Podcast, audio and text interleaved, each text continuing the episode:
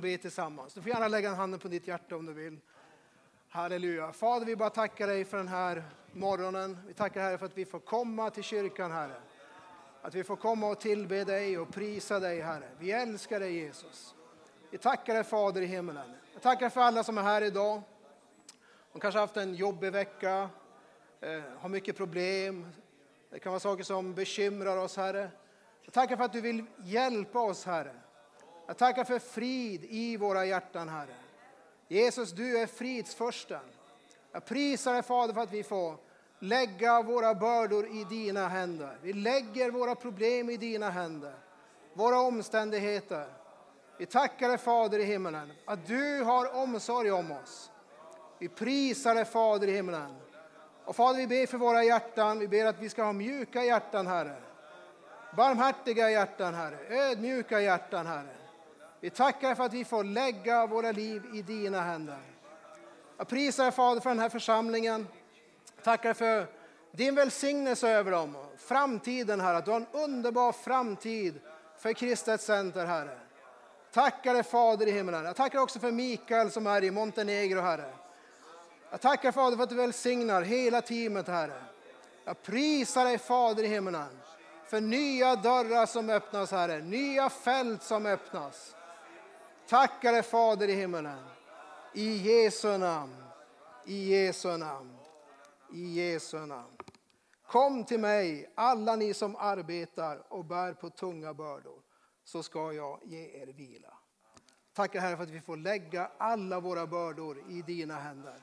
Att du ger oss vila, Herre. I Jesu namn. Amen. Amen. Amen. Gud välsigne dig. Varsågod och sitt ner. Oj. Det är en jättestor glädje för oss, för, jag, för mig och Anna och mina barn, att få vara här. Och eh, predika och, och, berätta om vad, vad som har hänt.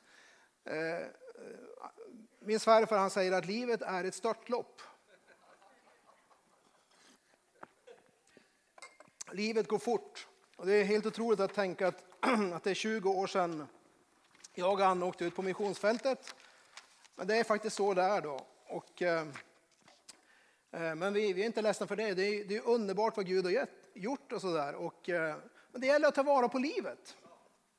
Att man gör någonting bra av livet. Och det gör, jag är säker på att du gör allt du kan för att göra ett, ett bra liv.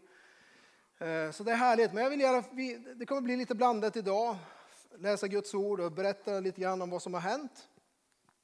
Eh, är det okej okay med dig? För dig som inte känner mig så kommer jag från, från from the promised land. Jag kommer från Norrbotten. The land of milk and honey. Jag hörde att pastorn berättade att det var någon som, som är från Kiruna här som alltid måste åka upp till Kiruna på sommaren. Någonstans. Det är underbart. Du vet, renarna måste alltid upp på fjället så här. Nej, men det är underbart. Jag känner samma sak. Jag måste alltid upp till Norrland och flugfiska lite grann. och slåss med myggen. Det glömmer man alltid berätta. Men, eh, men vad, eh, min mamma hon bodde i Pajala. Eh, som så den tror jag har, den har jag faktiskt fått från min mamma. Alltså, den kommer ju givetvis från Guds ord och allt det här. Men, men varför blev jag en kristen? Det var på grund av min mamma. Vi älskar våra mammor, eller hur? Hon är 92 år gammal nu och fortfarande så är hon aktiv. Hon, varje måndag så cyklar hon till Livets Ord i Uppsala och brer mackor till bibelskoleeleverna. Och när hon brer mackor så är det inte bara en liten enkel macka hon brer utan det är hela hennes liv. Hon stoppar in den där mackan.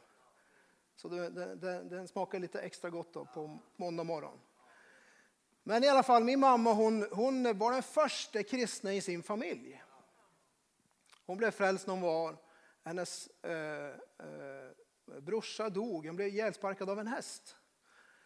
Och när hon hörde det så, så sa hon att jag vill träffa Tage igen. Alltså jag, jag eh, eh, eh, så hon bestämde sig, jag vill träffa Tage igen. Och sen var hon på möten och tog emot Jesus.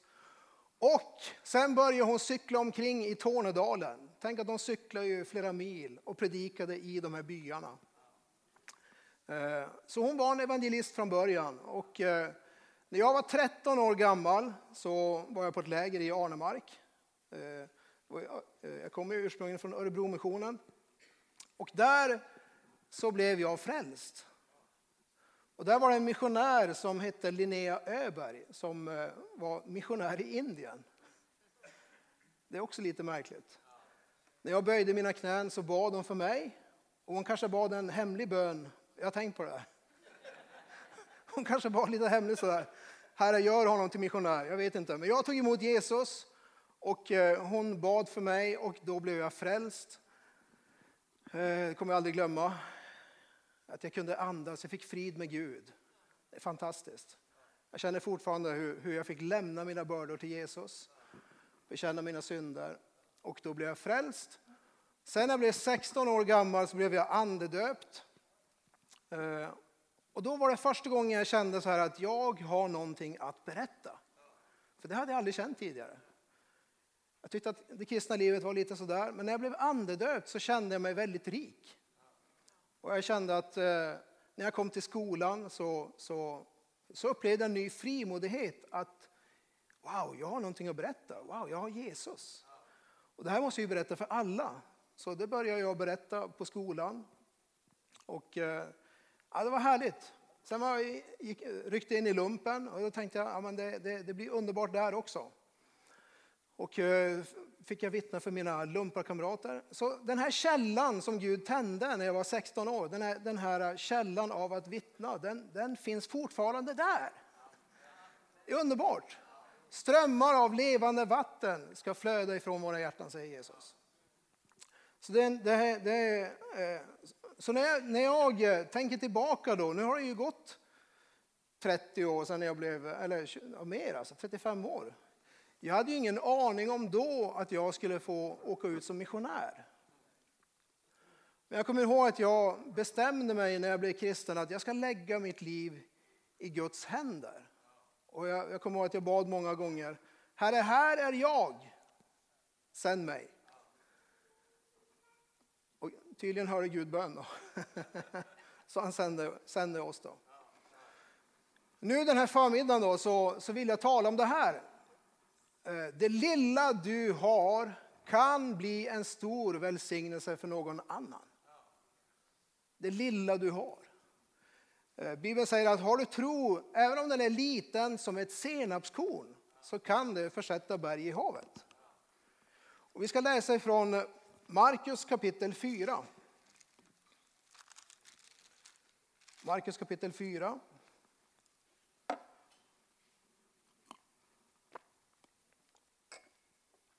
Och i vers 30. Han sa också, vad ska vi likna Guds rike vid? Eller vilken liknelse ska vi använda för att beskriva det? Det är så som ett senapskorn. När man sår det är det minst av alla frön. Men när det har blivit sått växer det upp och blir större än alla köksväxter och får så stora grenar att himlens fåglar kan bygga bo i dess skugga. Det är som ett senapskorn. När man sår det är det minst av alla frön. Men när det har blivit sått så växer det upp och blir ett stort träd. Det finns en enorm kraft i sädeskorn. Små saker som du och jag gör, det kan få stora konsekvenser. Så om du vill göra något stort för Gud, gör någonting litet. För att kraften sitter inte att du och jag är duktiga, kraften sitter i sädeskornet. Eh, vi kan gå till Johannes kapitel 6. Så har vi en väldigt känd berättelse där. Eh, Johannes 6. Och vers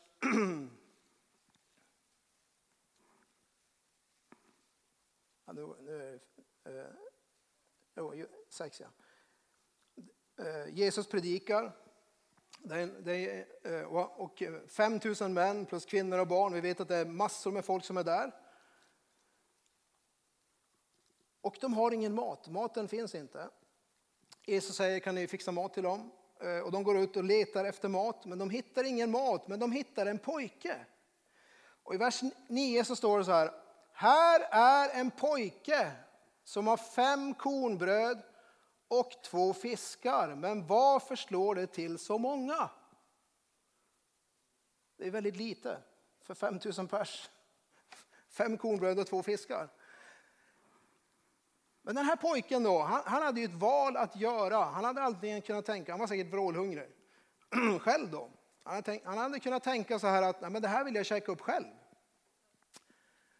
Du vet hur det är när du är akut hungrig och du känner att men, uh, svårt att ge bort det här nu.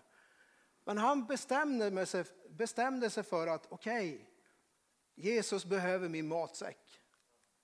Så jag vill ge den här till dem. Så den här pojken han, han, han bestämde sig för jag ger den här. Det är litet. Och lärjungarna tänkte Jesus det här är, titta här Jesus, vi har hittat fem bröd och två fiskar. Det är ju ingenting. Men det härliga är att Gud tar det vi har och han multiplicerar det. Säg aldrig så här att det är för litet, eller jag är så liten, det är så smått. Därför att Gud är glad för det lilla du har. Och när vi ger det lilla vi har så kan han göra någonting stort utav det. Han välsignar det, det blir en multipliceringseffekt. Den här pojken har inget namn. Vi vet inte vad han heter. Annas eh, eh, morfar. Han har skrivit en bok som heter Namnlös men odödlig och odödlig. Och då har han tagit upp människor i Bibeln som inte har något namn. Men det de gjorde eh, eh är så att säga odödligt. Vi pratar fortfarande om det. Det finns många människor i den här kyrkan. Det finns många människor i polisord som gör saker i skymundan. Det är ingen som ser det. Och många gånger kanske de inte har något namn, de är inte på plattformen. Men det de gör betyder enormt mycket för andra människor. Är det härligt? Så där du och jag är kan vi vara en stor välsignelse. Än en gång, vill du göra något stort för Gud, gör något litet. Så en säd. Och Bibeln säger också så här att vi ska aldrig förakta den ringa begynnelsen. Vi ska aldrig förakta den här, det, det, som, det som är litet. Det som är, man tänker så här, kan det verkligen bli någonting? Jo, allting, har en, allting börjar med ett sädeskorn. Allting börjar med att du och jag sår någonting. Jag tyckte det var härligt att komma hit idag i morse. Ni, ni har en jättefin kyrka. Jag såg de här, den här... Äh, äh, ja, ni har byggt upp det så fint här. Men så har det ju inte alltid varit. Eller hur? Utan det, det, det började någonstans. Det började på Västanås och sen har det vuxit och gått vidare. Och det har blivit en jättefin församling. Och ni fortsätter att arbeta och utvecklas. Och det kommer bli ännu mer. Visst är det härligt? Att det går vidare.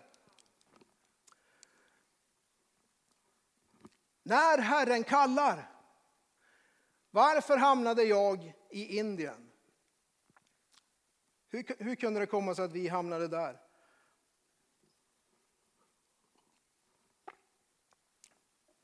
Jag kommer aldrig glömma det när Gud kallade oss till Indien. Jag och Anna vi hade jobbat eh, i, i med ungdomarna i kyrkan i Uppsala. Och vi stod vid ett vägskäl. Ett tag tänkte vi, vi åkte upp till Norrland och kollade på hus. Och tänkte att ja, men vi kanske ska flytta tillbaka till Norrland. Så vi visste inte vad vi skulle göra. Sen då köpte vi ett hus i Uppsala. Vi hade tre barn på den tiden, eller två kanske. Två barn när vi köpte hus. Och sen helt plötsligt så sitter jag vid mitt skrivbord inne i huset och betalar mina räkningar. Och då helt plötsligt så hör jag Gud tala. Jag kommer aldrig glömma bort det. Det var som att tiden stod stilla. Och det här händer ju inte varje dag, utan det kanske händer några gånger i livet. Men jag vet att det var Gud. Och sen säger han så här, Thomas vill du åka till Indien? Indien? Jag har aldrig varit i Indien. Men jag visste att det var Gud. Alltså. Och jag är ganska snabb så här, om jag vet att en sak är från Gud så är jag ganska snabb att säga ja i mitt hjärta.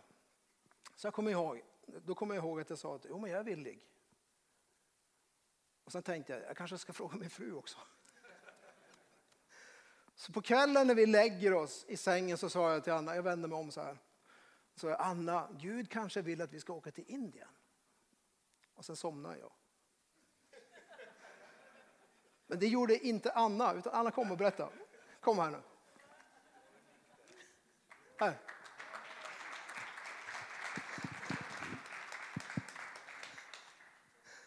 Okej, berätta vad hände? Jag somnade och du, vad hände då? Alltså? Jag var ju höggravid. Ehm, eh, och jag har väl alltid som barn, man har, så här, man bara hört missionärer berätta, jag är pastorsdotter och man har hört många missionärer och man har alltid känt så här, wow vilket äventyr, jag vill också göra det här någon gång i livet. Men sen så går åren och vi var väldigt inne i det här med ungdomar och man brann för Sverige. Vi hade åkt mycket i Sverige och började titta på Norrland och tänkte Gud kanske kalla oss till Norrland. Eh, Så var, vi var helt inne i huvudet på Norrland och hade ju faktiskt till och med lagt ut huset på försäljning för att vi skulle flytta till Norrland. Eh, så man var helt inne i huvudet och tänkte Gud vill att vi ska röra på oss och nu är det dags. Så man hade på ett sätt kapat banden redan med alla vänner i Uppsala och mina systrar bor där. Och, och så. Men när Thomas säger det här, bara, vi kanske inte ska åka till Norrland, vi kanske ska åka till Indien. Och så bara somnar han. eh, och jag brukar inte vara så här jätteorolig av mig och nervös över saker och så är jag ganska lugn. Men den natten hade jag så fruktansvärda mardrömmar. Eh, och det var inte bara liksom mänsklig oro utan det var verkligen demoniskt. Att man bara kände så här, äh, det var helt vansinnigt. Och jag drömde att eh, det var någon av barnen som dog och jag drömde att barnet i magen, det var ormar. Jag har alltid varit väldigt rädd för ormar. och det var jättemycket ormar och det var död och det var mörker. Eh, och jag vaknade upp på morgonen där och bara går ner i köket. Jag var helt skakig i hela kroppen. Ni vet när det inte bara är mänsklig fruktan utan är någonting annat.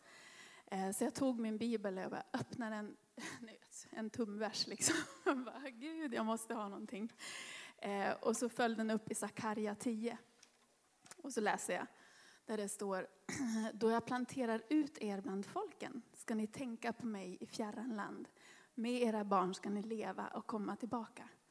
Eh, och det är så härligt när Gud bara ger ett ord sådär.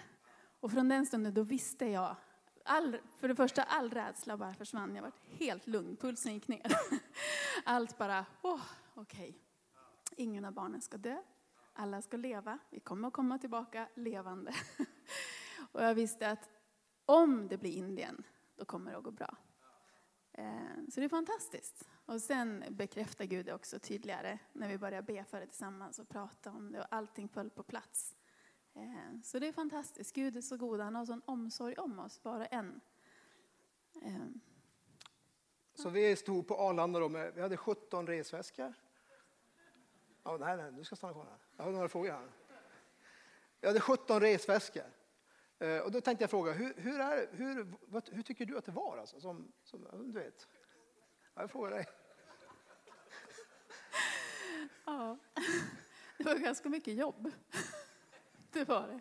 Det var inte som att dansa på moln, att åka ut som missionär med tre småbarn. Eh, och till ett land som är så totalt annorlunda i kulturen Sverige. Jag tror att i min värld så hade jag tänkt att okej, okay, men jag kommer att vara småbarnsmamma i Indien, ungefär som på samma sätt som i Sverige. Men det varit många kulturkrockar efter vägen och mycket jobbigt. så, men ändå så har Gud burit oss hela vägen. Och hans omsorg är ju så fantastisk. Ehm, jag kan eh, bara säga så här, för det, jag tror för en del man tänker så här, wow vilket enormt steg. Men det var ju inget jätte, jättesteg vi tog direkt, utan vi tog ju små steg. Och de här små stegen ledde oss till Indien. Eh, och sen har vi varit i Tadzjikistan och i Kina. Och Gud har ju aldrig liksom bara släppt ner en bomb i vår familj och bara pang, nu är allt annorlunda. Utan Gud har ju lett oss. Och det tror jag man ska vara så trygg i. Att när man går med Gud så kommer han att leda er. Och det kommer aldrig vara så att om du hatar kyla och snö, så här, och Gud kommer säkert att kalla mig till Grönland. Ja, men Gud är ju inte en sån. Han leder ju oss. Och han lägger ju ner i våra hjärtan det vi ska göra. Det vet jag ibland man tänkt att ryms det något mer i mitt hjärta? Jag älskar Sverige, jag älskar ungdomar. Och man, man tycker så, här, men det här räcker. Ja, men plötsligt så lägger Gud ner någonting där. Och ditt hjärta vidgas. Jag vet det finns ett ord i Jesaja 60 där det står att dina söner kommer fjärran ifrån, dina döttrar bärs fram på armen. När du ser det ska du stråla av fröjd, ditt hjärta ska bäva och vidga sig. Och jag tycker det är ett sånt härligt ord bara att när Gud lägger någonting. Det kan ju vara så att er församling liksom har fått ett nytt uppdrag, ett missionsfält eller och man tänker, ja men vi har ju fullt upp redan, vi har ju redan sådana som vi ber för och brinner för. Ja men då vidgas, era hjärtan är elastiska. Det är så häftigt, för Gud kan bara, plötsligt så finns någonting där. Och det är så naturligt. Men sen det här vardags... Eh, Ja, här, fortsätt. Jättebra. eh, bara just den här otroliga omsorgen om var och en av oss som Gud har. Jag tycker det är så häftigt, för jag är egentligen en bondtjej. Jag tycker om landsbygd, jag tycker om när det är lugnt. Eh, och jag älskar att vara hemma. Eh, och där kan jag tänka så här, tänk vad Gud är god, för att överallt dit vi har kommit så har Gud berett en plats för mig. Där jag har blomstrat, där jag har verkligen trivts. Mitt på de här platserna så, som är så totalt annorlunda än norrländska landsbygden, så har Gud bara gett oss ett hem där vi har haft det så härligt. Vi har ju det. Vi har haft fantastiska år med våra barn. Och du vet det senaste när vi fick kallelsen till Kina så var det en jätteutmaning för mig. Man har ju alltid haft den här, Herre, här är jag, som Thomas sa, sänd mig. Eh, men när Gud kallade oss och började lägga Kina i våra hjärtan och Thomas hade varit i Hangzhou dit vi flyttade sen så var han så fascinerad av alla skyskrapor. Och jag bara, Gud, jag vill inte bo i en skyskrapa. Det var verkligen för mig en mardröm. Och Thomas tyckte det var så häftiga byggnader. Han bara, det är så höga hus. Och det är så fint liksom. Och jag bara, Jesus du känner mig. Och då när vi hade sagt ja till kallelsen och Thomas skulle åka dit och titta på hus. Och jag hade bara sagt Jesus, jag önskar mig två saker. Jag önskar att jag ska se träd utanför fönstren och jag önskar att jag ska höra fåglar sjunga. Och det var verkligen så här, för mig var det viktigt. Men jag trodde det var omöjligt. Så det, det var min hemliga bön. och sen kommer vi till platsen där vi ska bo. Och det var så häftigt. Utanför alla våra fönster så hade vi träd. Magnolia-träd som blommade liksom eh, på våren. Och vi hade, varje morgon man öppnade fönstret så var det fågelsång. Så det är häftigt. Guds omsorg. Det är bara Gud. Nu har, det ju, nu har det ju gått 20 år. Alltså, ångrar du att du åkte ut? Och så där? Eller tycker att det har varit... Hur, tänk, hur, nu har du, hur tänker du på den tiden? Fint att du frågar. Så. Nej, det är det bästa vi har gjort. Man tänker det, den resan Gud har tagit oss på, det är helt fantastiskt. Och den resan Gud har tagit våra barn på. Eh, Man är så otroligt tacksam att Gud har lett oss den vägen. Eh, Jag har haft det här ordet också i Jesaja eh, 44 där det står att dina telningar ska växa upp mitt ibland gräset som pilträd vid vattenbäckar. Att de ska få den absolut bästa uppväxten, bästa uppväxtmiljön. Eh, och det tror jag att de har fått. Det har, det har varit annorlunda, självklart. Och de har fått möta mycket saker som svenska barn aldrig möter. Eh, men eh, nej, Gud, och, Gud är god. Han har stoppat ner så mycket i oss allihopa. Alla erfarenheter, alla människor, alla människoöden vi har fått träffa på. Så det är man tacksam för. Underbart. Tack.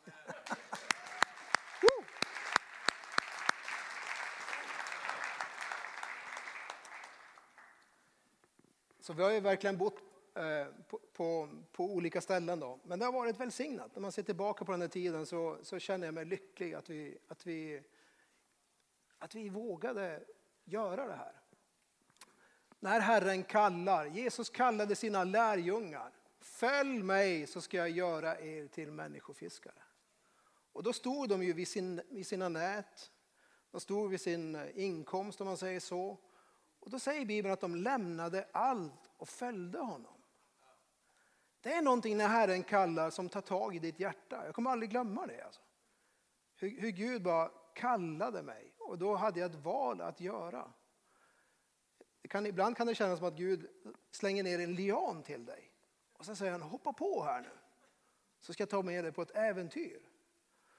Och så är jag så glad att vi vågade göra den saken, att vi vågade hoppa på den där lianen. Och om du får en lian, om Gud skickar en lian till dig, så hoppa på den. Ja, men hur ska det gå? Men det vet man ju, alltså det kommer gå bra. Men eh, vi lever ju väldigt, i Sverige, det är väldigt mycket försäkringar och säkerhet och allt det där, det kan vara bra. Men det kan också vara ett hinder ibland. Eh, så att ibland så tror jag att Gud vill att vi ska våga lite mer. Att våga hoppa på om man säger så. Eh, Paulus, när han blev omvänd så var han ju full av mordlust, han ville fängsla de kristna. Men sen fick han, han gick in i en vägg om man säger så. Han fick möta Jesus. Och han ställer två frågor. Vem är du Herre? Och sen säger han så här. Vad vill du att jag ska göra? Det är väldigt bra som kristen att ställa sig den frågan. Jesus, vad vill du att jag ska göra för dig? Inte att kan du hjälpa mig nu, utan vad vill du att jag ska göra för dig? Så att jag vill också bara eh, ta några, eh, berätta om några som gjorde det här, som, som heter Daniel Berg och Gunnar Wingren. Hur många känner till dem? Två män som blir kallade 1910 till Pará i Brasilien. Och jag, eh, eh, Torbjörn Aronsson har skrivit lite grann om dem. Brasilien idag har den största äldre pingströrelsen i världen. Och hur börjar det här då? Två svenska par, Gunnar och Frida Wingren och Daniel och Saraberg, gjorde avgörande pionjärinsatser i början av 1900-talet för att etablera pingstkristendomen i Brasilien. Eh, Daniel Berg kom från Vargön i Västergötland och var barndomskamrat med den blivande ledaren för den svenska pingströrelsen, Levi Petrus. Och sen är de i USA. I grannstaden South Bend fick de ett profetiskt budskap genom en svensk målare som hette Adolf Uldin. Jag tycker det är så vackert skrivet. Där. En svensk målare profeterar.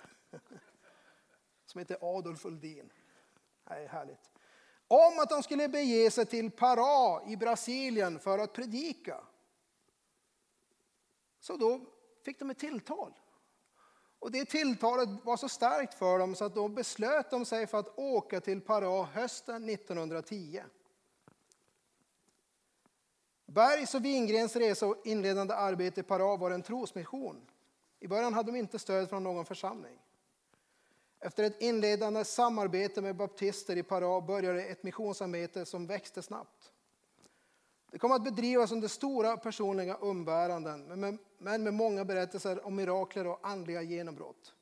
Snart fick missionen understöd av Philadelphia-församlingen i Stockholm. Som ett resultat, 20 år senare, så fanns det ungefär 160 församlingar i, i, i Brasilien. I Rio byggde Gunnar och Frida Wingren upp, under 1920-talet upp vad som kommer bli en av de största pingstförsamlingarna i världen vid den tiden med över 2000 medlemmar 1930. Man grundade samtidigt en mängd församlingar i omkringliggande delstater medan Frida Wingren bar ett stort ansvar för församlingen i Rio. Hon var född i Övik. Jag tycker det är fantastiskt. Hon utbildade sig till sjuksköterska i Stockholm och upplevde sedan genom en vision kallelse att åka som missionär till Brasilien. Frida Wingren var en driven predikant och skribent. Hon blev redaktör för rörelsens tidningen och utgivare av dess sångbok. Eh, och sen då, som ett resultat av det här nu då, nu, nu var det ju här 1910. År 2000, nu är det 90 år senare då, så det börjar som ett frö då. Ett litet frö som kom till deras hjärtan, åk till Pará. De åker dit, planterar säd. År 2000 fanns cirka 8,5 miljoner medlemmar i rörelsen totalt. Och idag hävdas ett betydligt högre medlemsantal. Och sen har det kommit flera nya vågor. Så enligt en folkräkning som genomfördes 2010 var 22 procent av befolkningen, det vill säga cirka 44 miljoner, anhängare av någon pingstkarismatisk rörelse. Fantastiskt.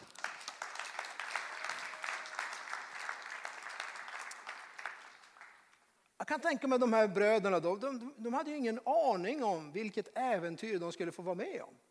Och vad den här säden som de fick så, vad den skulle få betyda. Men de valde att göra det. Låt oss gå till Markus kapitel 8. Markus kapitel 8.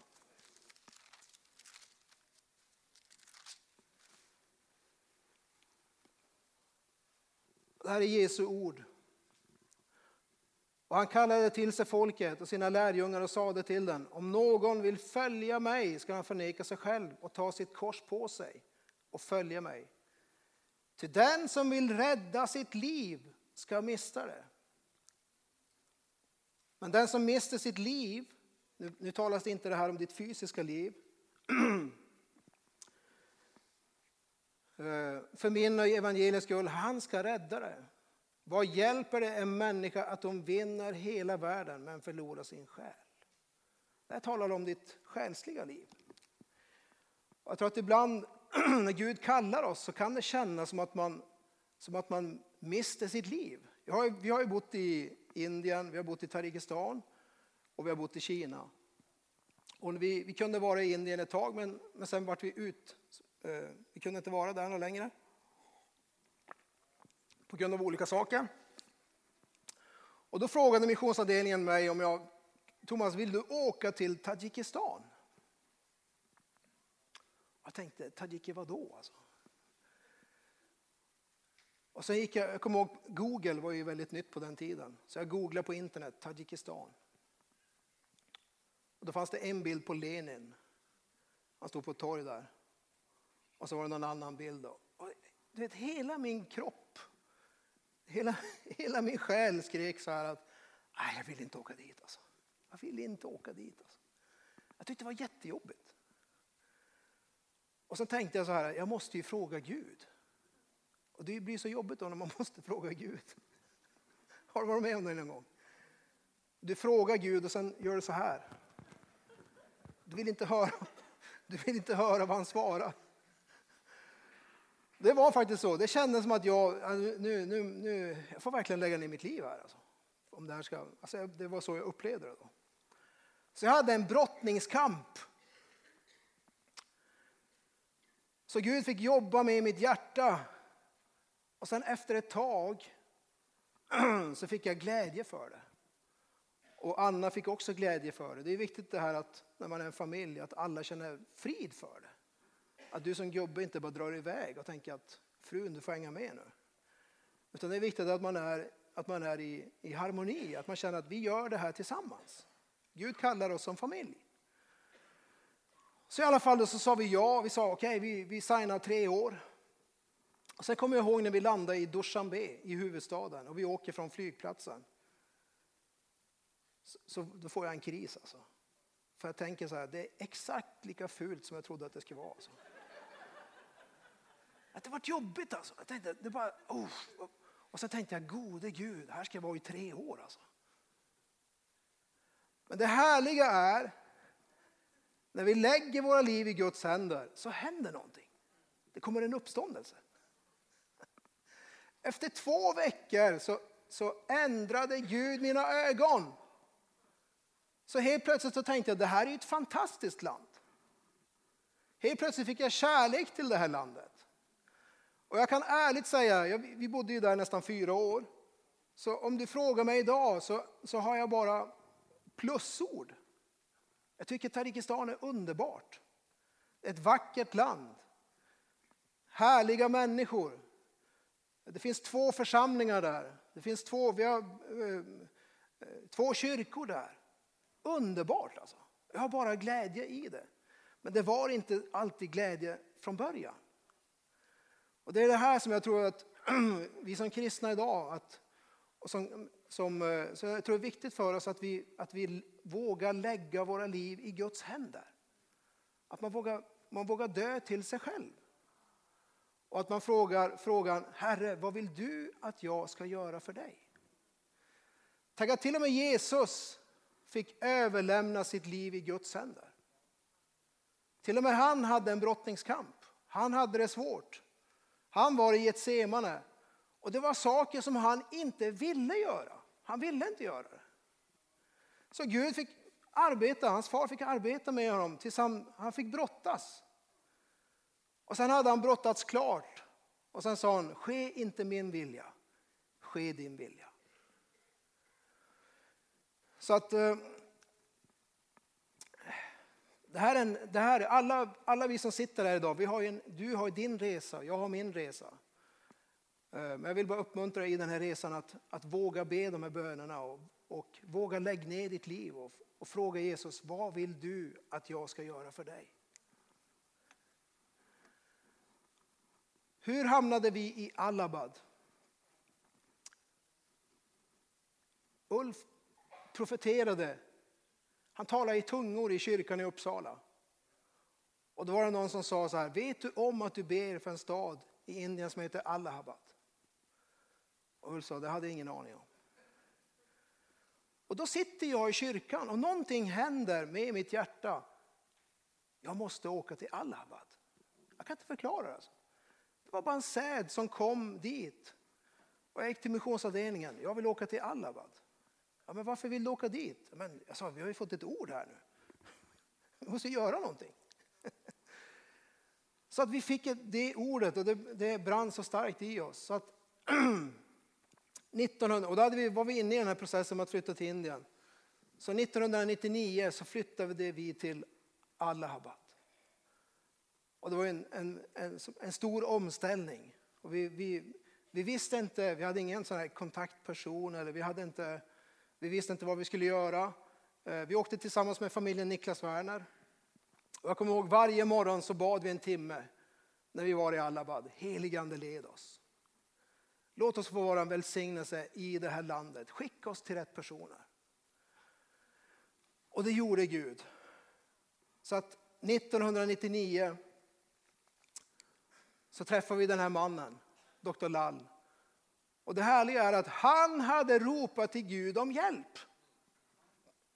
Herre, skicka hjälp hit.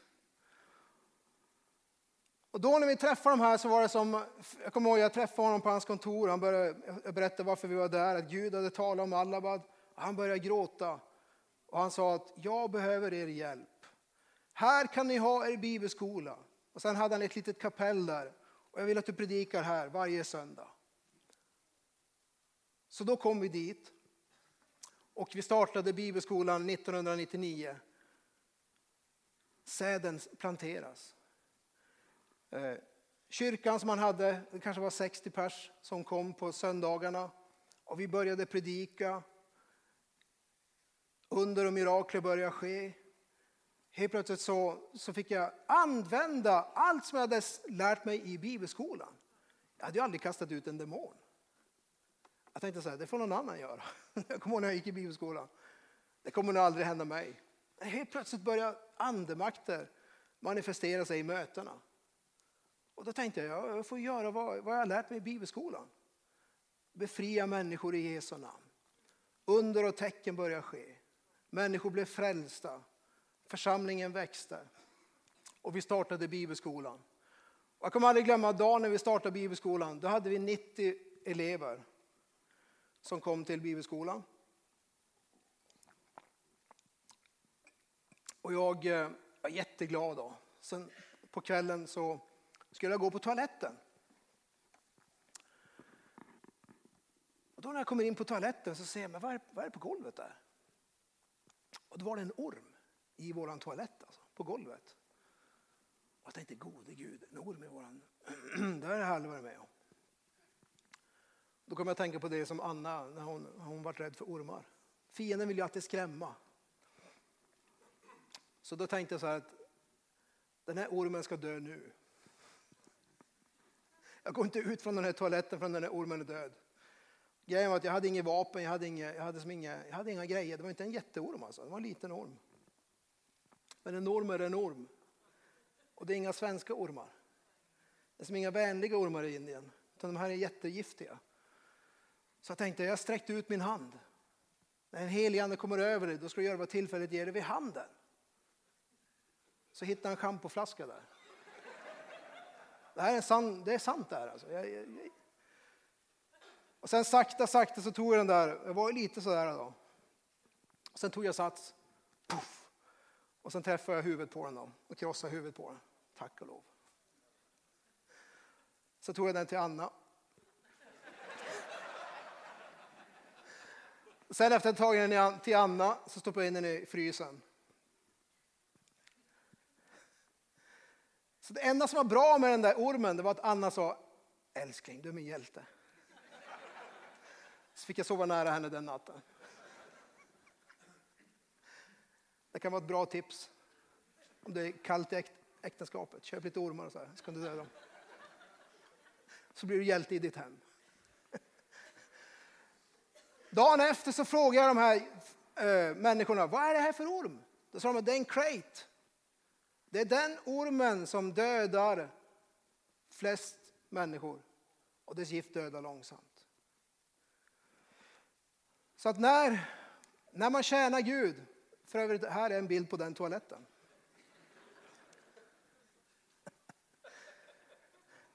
När du vill göra något för Gud så försöker alltid fienden förstöra. Han vill alltid komma med fruktan. Prövningar kommer att komma. Förföljelser kommer att komma.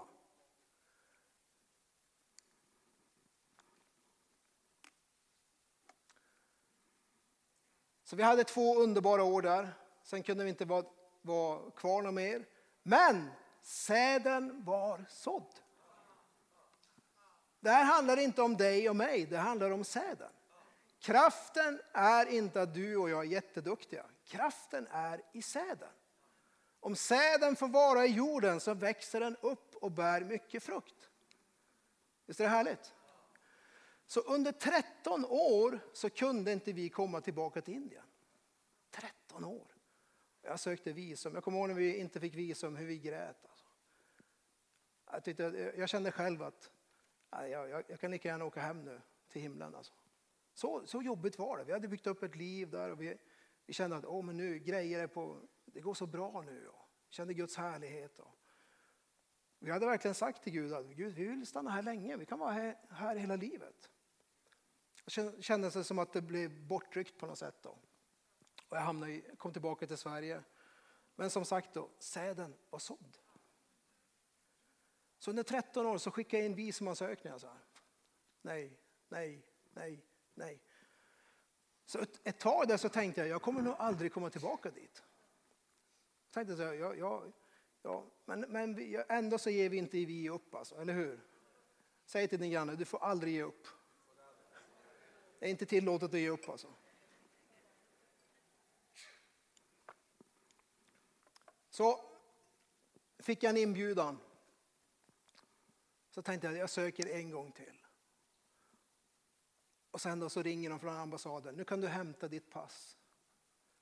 Och jag tänkte nej. Du vet, jag är ju trospredikant men jag har ju allting fel. Jag tänkte att nu, hade de sagt så här, nu kan du hämta ditt visum, då hade jag blivit glad. Nu sa de, nu kan du hämta ditt pass. Så kom jag dit och hämtade mitt pass och då var mitt visum i passet. Och på andra sidan ambassaden i Stockholm så finns det en indisk restaurang. Så gick jag över till den indiska restaurangen och beställde indisk mat. Sen bara firade jag.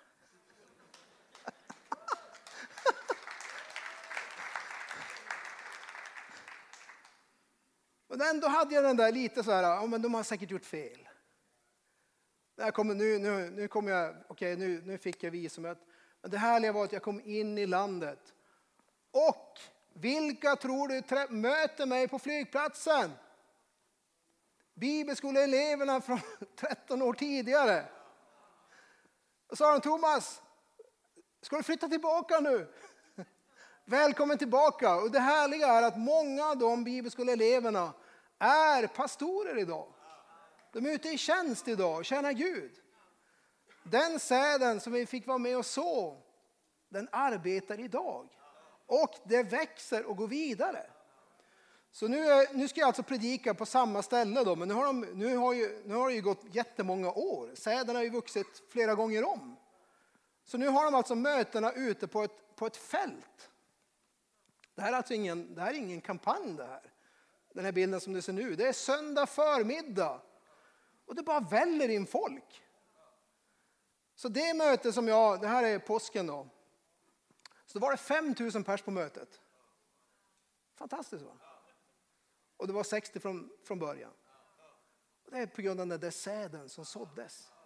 Det lilla du och jag gör, det finns en enorm kraft i det.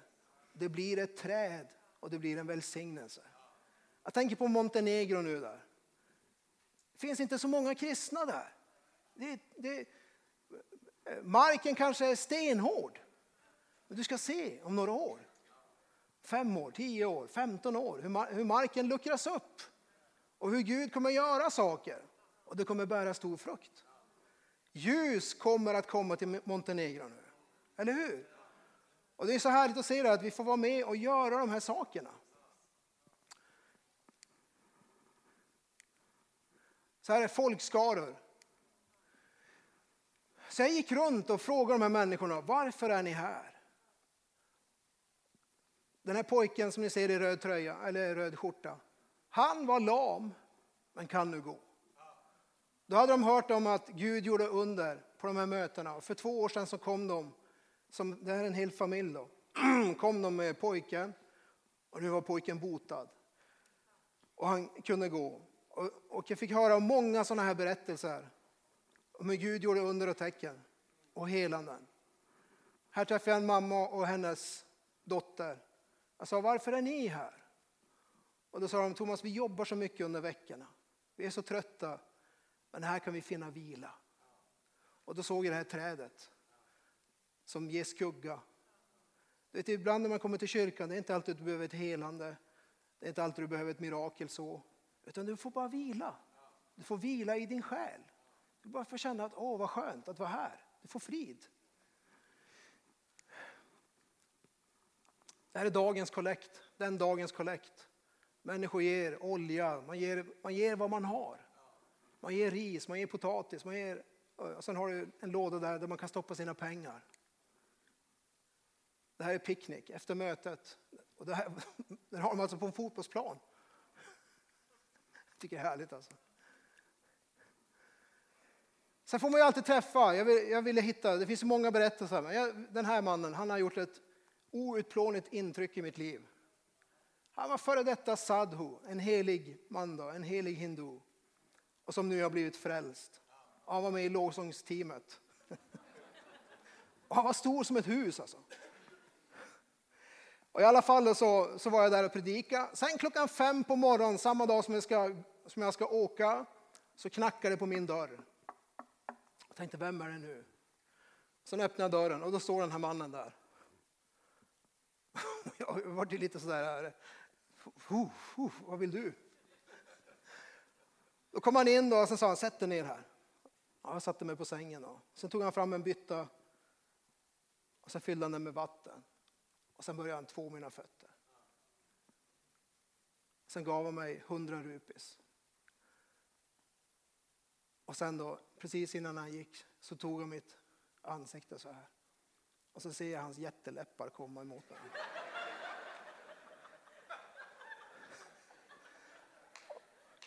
Och då tänkte jag så här, nu dör jag. Och sen pussade han mig mitt på munnen bara. Jag känner fortfarande hans skägg så här.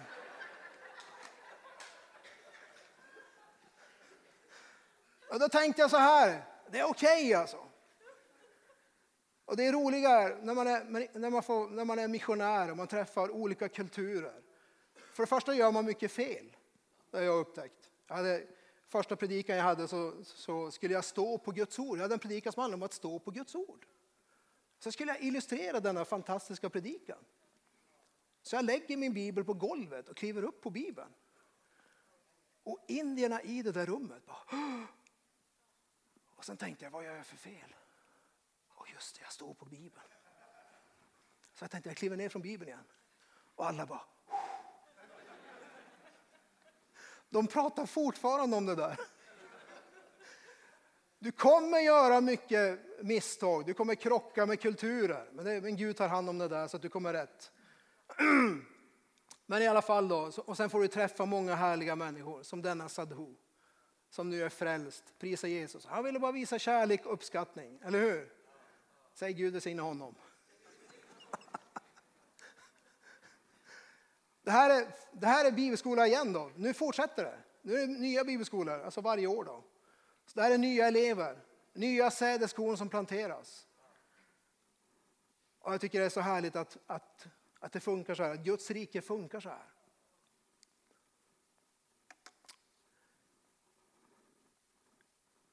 Som församling så vill jag bara uppmuntra er att fortsätta att gå på vattnet. Jag, jag känner er som församling. Jag vet att ni ni är en trosförsamling. Så jag vill bara uppmuntra er att fortsätta att gå på vattnet. Det fanns inte så, jag googlade lite grann, jag ville ha en bild när Petrus går på vattnet. Jag hittade två stycken, det här var en av dem. Annars var det massor med bilder där Petrus är nere i vattnet. Men faktum är att Petrus, han gick på vattnet. Han vågade ta ett steg i tro. Han vågade kliva över relingen. Och kanske du finns här idag som, som Herren manar dig att okej, okay, nu kanske det är dags för dig att kliva över relingen. Det kanske är dags för dig, och då pratar jag inte bara om missionen, det kan vara, du kanske har drömt om att starta ett företag. Du kanske har haft den drömmen, men du har aldrig gjort det. Du får som aldrig fingrarna, alltså du, du, du, du får inte till det så. Och nu imorgon, beställ de där papperna, starta det företaget. Skriv den där boken. Visst var det härligt? Jag tyckte det var så härligt att höra att du skrev den där boken. Någonstans började ju det beslutet att du skulle göra det. Du hade en tanke. Men sen gjorde du det också. Fantastiskt. Så att jag vill bara uppmuntra er som församling. Fortsätt att gå på vattnet. Jag vill uppmuntra dig. Ta ett steg ur båten. Jesus har sagt så här att han kommer aldrig lämna dig eller överge dig. Utan han kommer alltid ta hand om dig. Halleluja. Ska vi stå upp tillsammans?